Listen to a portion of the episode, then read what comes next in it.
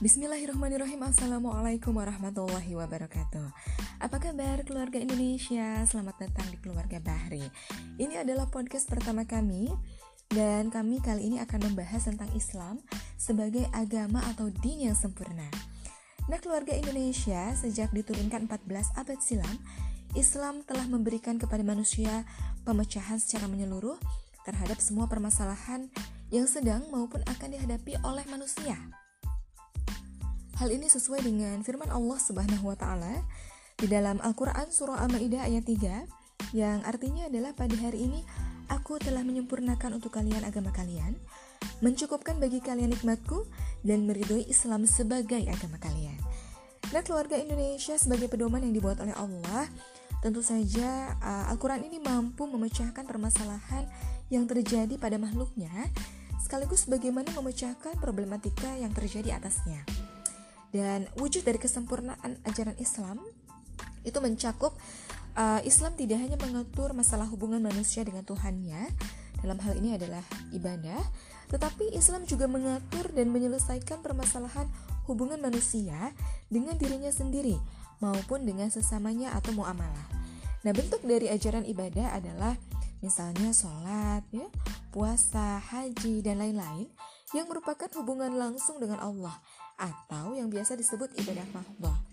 Bentuk hubungan yang mengatur antara manusia dengan dirinya sendiri atau uh, sebagai contohnya adalah kejujuran, amanah, dan menepati janji.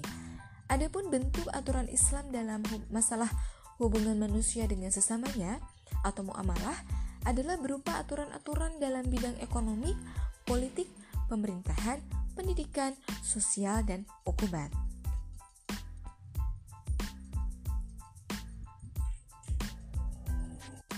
Nah, keluarga Indonesia lantas akidah Islam itu apa sih? Ya, akidah Islam atau al-akidah al-Islamiyah adalah iman kepada Allah, para malaikatnya, kitab-kitabnya, para rasulnya dan hari akhir, juga pada kodo dan kodar baik buruk dari Allah.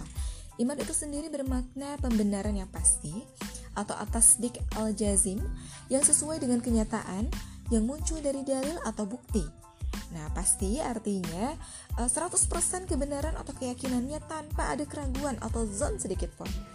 Sesuai dengan fakta artinya hal yang diimani tersebut memang benar adanya, bukan diada-adakan. Misalnya, keberadaan Allah, kebenaran Al-Quran, wujud malaikat, dan lain-lain. Muncul dari suatu dalil artinya keimanan tersebut memiliki hujah atau dalil tertentu dan tanpa dalil sebenarnya tidak akan ada pembenaran yang bersifat pasti. Suatu dalil untuk masalah iman ada kalanya bersifat akli dan atau nakli, bergantung pada perkara yang diimaninya. Jika perkara itu masih dalam jangkauan panca indera atau akal, maka dalil keimanannya bersifat akli. Namun, jika di luar jangkauan panca indera, maka ia didasarkan pada dalil nakli. Hanya saja perlu diingat bahwa uh, penentuan sumber suatu dalil nakli juga ditetapkan dengan jalan akli.